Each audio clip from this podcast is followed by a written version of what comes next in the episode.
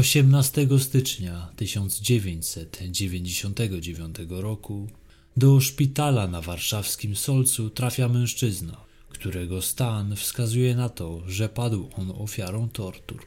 Został on znaleziony w ciężkim stanie na dworcu Warszawa Śródmieście. Jest to 21-letni Tomasz J. Ślady, które lekarze zlokalizowali na jego ciele, świadczą o cierpieniu, jakiego młody mężczyzna musiał doznać. Niemalże trudno dostrzec miejsce, w którym nie byłby pocięty.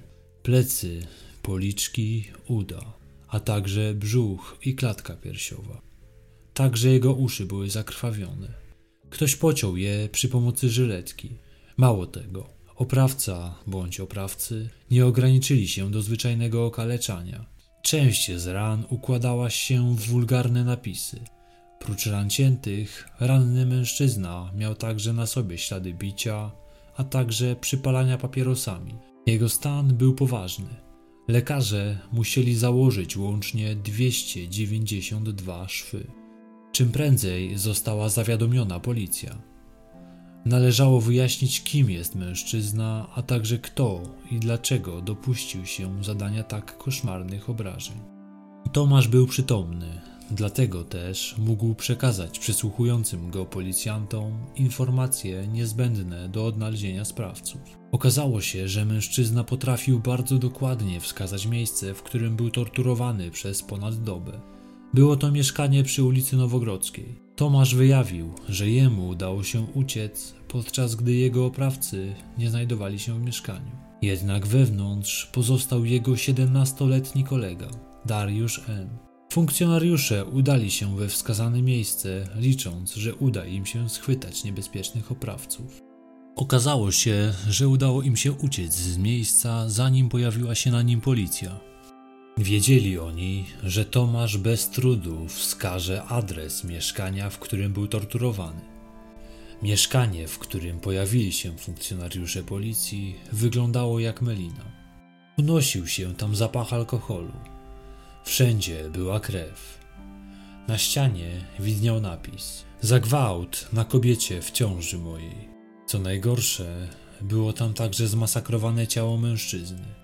Stan, w jakim się znajdowało, znacznie utrudniał identyfikację. Jego ciało było koloru granatowo-sinego. Szybko jednak udało się ustalić, że należało ono do Dariusza M., mężczyzny, który był torturowany razem z Tomaszem. W tym momencie śledczy zdali sobie sprawę, że poszukują osób, które są zdolne do najgorszych rzeczy. Napis na ścianie sugeruje motyw, jakim miała być zemsta za gwałt. Czy tak było na pewno? By ustalić, jaka jest prawda, należy zebrać zeznania obu stron. Najpierw trzeba schwytać sprawców. Leżący w szpitalu Tomasz powiedział policjantom, kogo powinni szukać. Byli to 32-letni Mariusz C., pseudonim Maniek lub pseudonim Bandzior oraz jego 26-letnia dziewczyna Ewa M., a także Sebastian B. Kim byli ci ludzie? Tego dowiecie się niedługo. Trzy dni poszukiwań przyniosły efekt. Udało się znaleźć troje podejrzanych. W ręce organów ścigania wpadli Sebastian, Ewa i Mariusz. Szybko okazało się, że Tomasz i Dariusz nie są jedynymi ich ofiarami. W lesie pod tłuszczem nieopodal Warszawy znaleziono zwłoki kobiety. Była nią trzydziestoletnia Małgorzata G., właścicielka mieszkania przy ulicy Nowogrodzkiej, w którym doszło do masakry. Ciało leżało w lesie przykryte stertą jałowców. Dlaczego zginęła? Miała pecha. Widziała coś, czego nie powinna. Była świadkiem tortur, jakich dopuścili się oprawcy. Wiedzieli, że pozostawiając ją przy życiu, szybko sprowadzą na siebie problemy. Choć sami sprawcy uważają, że do zbrodni doszło na tle seksualnym. To jednak biegli wykluczyli, by doszło do gwałtu na zmarłej. Mariusz i Sebastian wywieźli kobietę do lasu, a tam zadali jej cztery ciosy bagnetem prosto w serce. Zginęła na miejscu. Gdy zatrzymano troje podejrzanych, należało spróbować ustalić wersję wydarzeń, jakie miały miejsce 17 i 18 stycznia 1999 roku. W świetle wyjaśnień, jakie złożyli, zarysował się taki scenariusz. Ewa to narkomanka, która żyje głównie z rozprowadzania odurzających środków. W jej życiu wiedzie się kiepsko. Gdy była jeszcze nastolatką, często uciekała z domu. Szybko wpadła w złe towarzystwo i uzależniła się od narkotyków. Przez swój nauk później straciła prawo do opieki nad dwójką swoich dzieci. Kobieta ma za sobą też próby samobójcze. 17 stycznia imprezowała w mieszkaniu razem z Tomaszem i Dariuszem. Razem z nimi w imprezie brała udział niepełnosprawna fizycznie współlokatorka 26-latki i jednocześnie właścicielka mieszkania, 30-letnia Małgorzata. Ewa miała zachowywać się prowokacyjnie względem dwóch młodszych mężczyzn. Jej zdaniem oni postanowili to wykorzystać i ją zgwałcili. Wówczas kobieta już była w ciąży ze swoim chłopakiem Mariuszem C. Postanowiła więc poskarżyć się Mariuszowi, że padła ofiarą gwałtu. Ten przyszedł na miejsce, by zemścić się na rzekomych oprawcach swojej partnerki. Kim jest Mariusz? To 32-letni mężczyzna, który w przeszłości był bokserem. Brutalny sport zmienił z czasem na nie mniej ryzykowną formę zarobku. Handlował narkotykami. Był też alkoholikiem. Z pewnością nie jest to typ, którego chce się spotkać w ciemnej uliczce. Mariusz przyjechał do mieszkania, gdzie zastał zdemolowany pokój, a także zapłakaną Ewę. Rozwścieczony wywiózł z mieszkania wszystkie rzeczy. Zostawił tylko tasak kuchenny, bagnet, kij drewniany i kanister z benzyną. Zabrał ze sobą dobrego znajomego, Sebastiana. Razem udali się na poszukiwania młodych mężczyzn, którzy mieli dopuścić się gwałtu na jego partnerce. Pierwszego udało się odnaleźć Dariusza. Brał on wówczas udział w imprezie w dyskotece pod samowarem. Mężczyźni nie mieli zamiaru się patyczkować. Mariusz uderzył głową w skroń Dariusza i zrzucił go ze schodów. Razem z Sebastianem zawieźli go do mieszkania przy ulicy Nowogrodzkiej. Tam zaczęły się tortury. Młody mężczyzna był bity i zmuszany do udawania psa, do picia moczu, a także jedzenia kału. Oprawcy poniżali go, kazali mu szczekać jak pies. W wyniku tortur udało się wydobyć od niego informacje, gdzie mieszka Tomasz, z którym dzień wcześniej byli na imprezie u Ewy. Ten również został siłą doprowadzony na miejsce, gdzie poddany został później wielu nieludzkim torturom. Jednak w toku śledztwa pojawił się zupełnie inny wątek. Dotyczył on narkotyków, które zginęły z mieszkania Ewy po imprezie, w której brali udział młodzi mężczyźni. W trakcie dochodzenia udało dotrzeć się do informacji, że Ewa i Mariusz pracowali dla Andrzeja D., pseudonim Książę. Mężczyzna ten kontrolował obrót narkotykami na dworcu centralnym. Gdy dowiedzieli się o kradzieży towaru, musieli powiadomić o tym właśnie jego oraz Adama M., pseudonim Bocian. On zajmował się rozprowadzaniem tych narkotyków. Do tych ustaleń udało się dotrzeć dzięki zeznaniom Sebastiana, który postanowił współpracować z organami ścigania. Jego zdaniem Andrzej D., gdy dowiedział się o skradzionych narkotykach, nakazał odnaleźć mężczyzn odpowiedzialnych za ich zniknięcie. Sebastian w swoich wyjaśnieniach wielokrotnie powtarzał, że książę jest człowiekiem o wielkich wpływach i jest bardzo niebezpieczny. Gdyby nie zeznania Sebastiana, śledczym być może nigdy nie udałoby się dotrzeć do księcia oraz bociana. Tortury, jakim byli poddawani dwaj młodzi mężczyźni, miały na celu wydobycie od nich informacji o narkotykach, które rzekomo wcześniej ukradli. W maltretowaniu ich miała czynny udział brać ciężarna Ewa. To ona miała namawiać pozostałych dwóch oprawców do zadawania bólu Tomaszowi i Dariuszowi. Chciała, by temu drugiemu obcięli członka.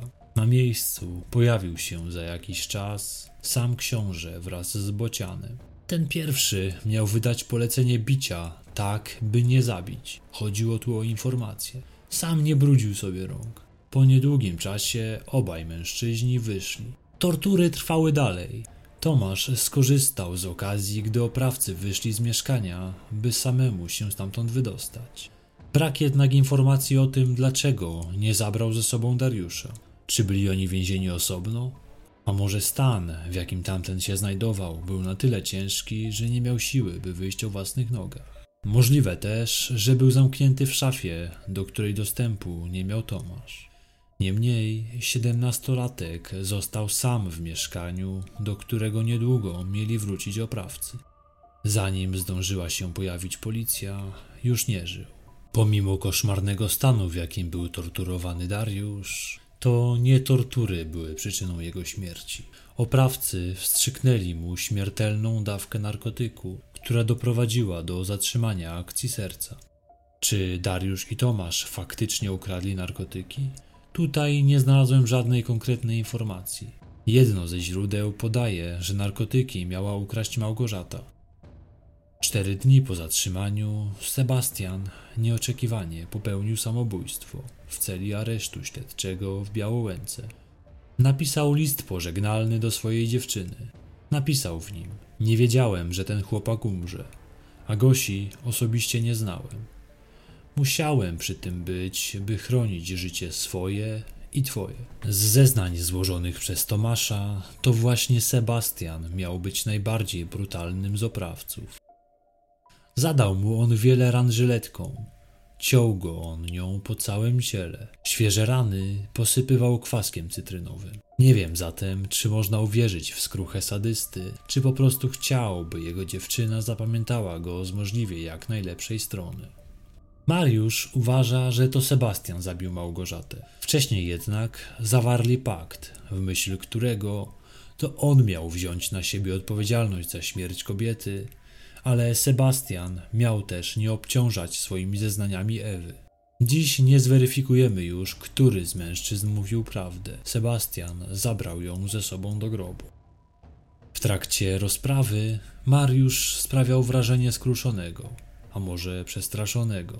Wyroku odsłuchiwał, trzymając dłonie na twarzy, natomiast Ewa pozostawała niewzruszona. Sąd okręgowy wydał w tej sprawie wyrok bardzo surowy, ale wydaje się, że jedyny słuszny. Skazał Mariusza C. na dożywocie z możliwością ubiegania się o wcześniejsze zwolnienie dopiero po 40 latach, a EWM na dożywocie z możliwością ubiegania się o zwolnienie po 35 latach. Sąd nie uwierzył, by motywem zbrodni była zemsta za gwałt, do którego prawdopodobnie nie doszło. Przychylił się natomiast do wersji z chęcią odzyskania narkotyków i ukarania złodziei. Andrzej, pseudonim książę, otrzymał wyrok 10 lat pozbawienia wolności, a Adam M., pseudonim Bocian, 8 lat. Sąd apelacyjny okazał się być jednak znacznie łaskawszy dla oprawców. Książę otrzymał wyrok 5 lat, a Bocian 3. Sprawę pary zabójców kazał rozpatrzyć ponownie. Tu szczęście uśmiechnęło się do Mariusza i Ewy. Zmieniono kwalifikację czynu. W ponownym procesie zostali oni skazani na 15 lat. Sąd orzekł, że nie było to zabójstwo, a pobicie ze skutkiem śmiertelnym. Opinia biegłych wykazała, że faktycznie obrażenia, które zostały zadane Dariuszowi, były poważne, ale żadne z nich nie zagrażało życiu. Młody mężczyzna zmarł w wyniku przedawkowania narkotyku. Zdaniem sądu nie można wykazać, że oprawcy wiedzieli, że podanie narkotyku spowoduje śmierć siedemnastolatka. Sąd apelacyjny utrzymał ten wyrok. Co więcej, Ewie M. zmniejszono karę do 13 lat. Oskarżyciel posiłkowy wniósł apelację od tego wyroku, jednak została ona odrzucona. Wyroki te są prawomocne. Nie wiem, jak dalej potoczyły się ich losy.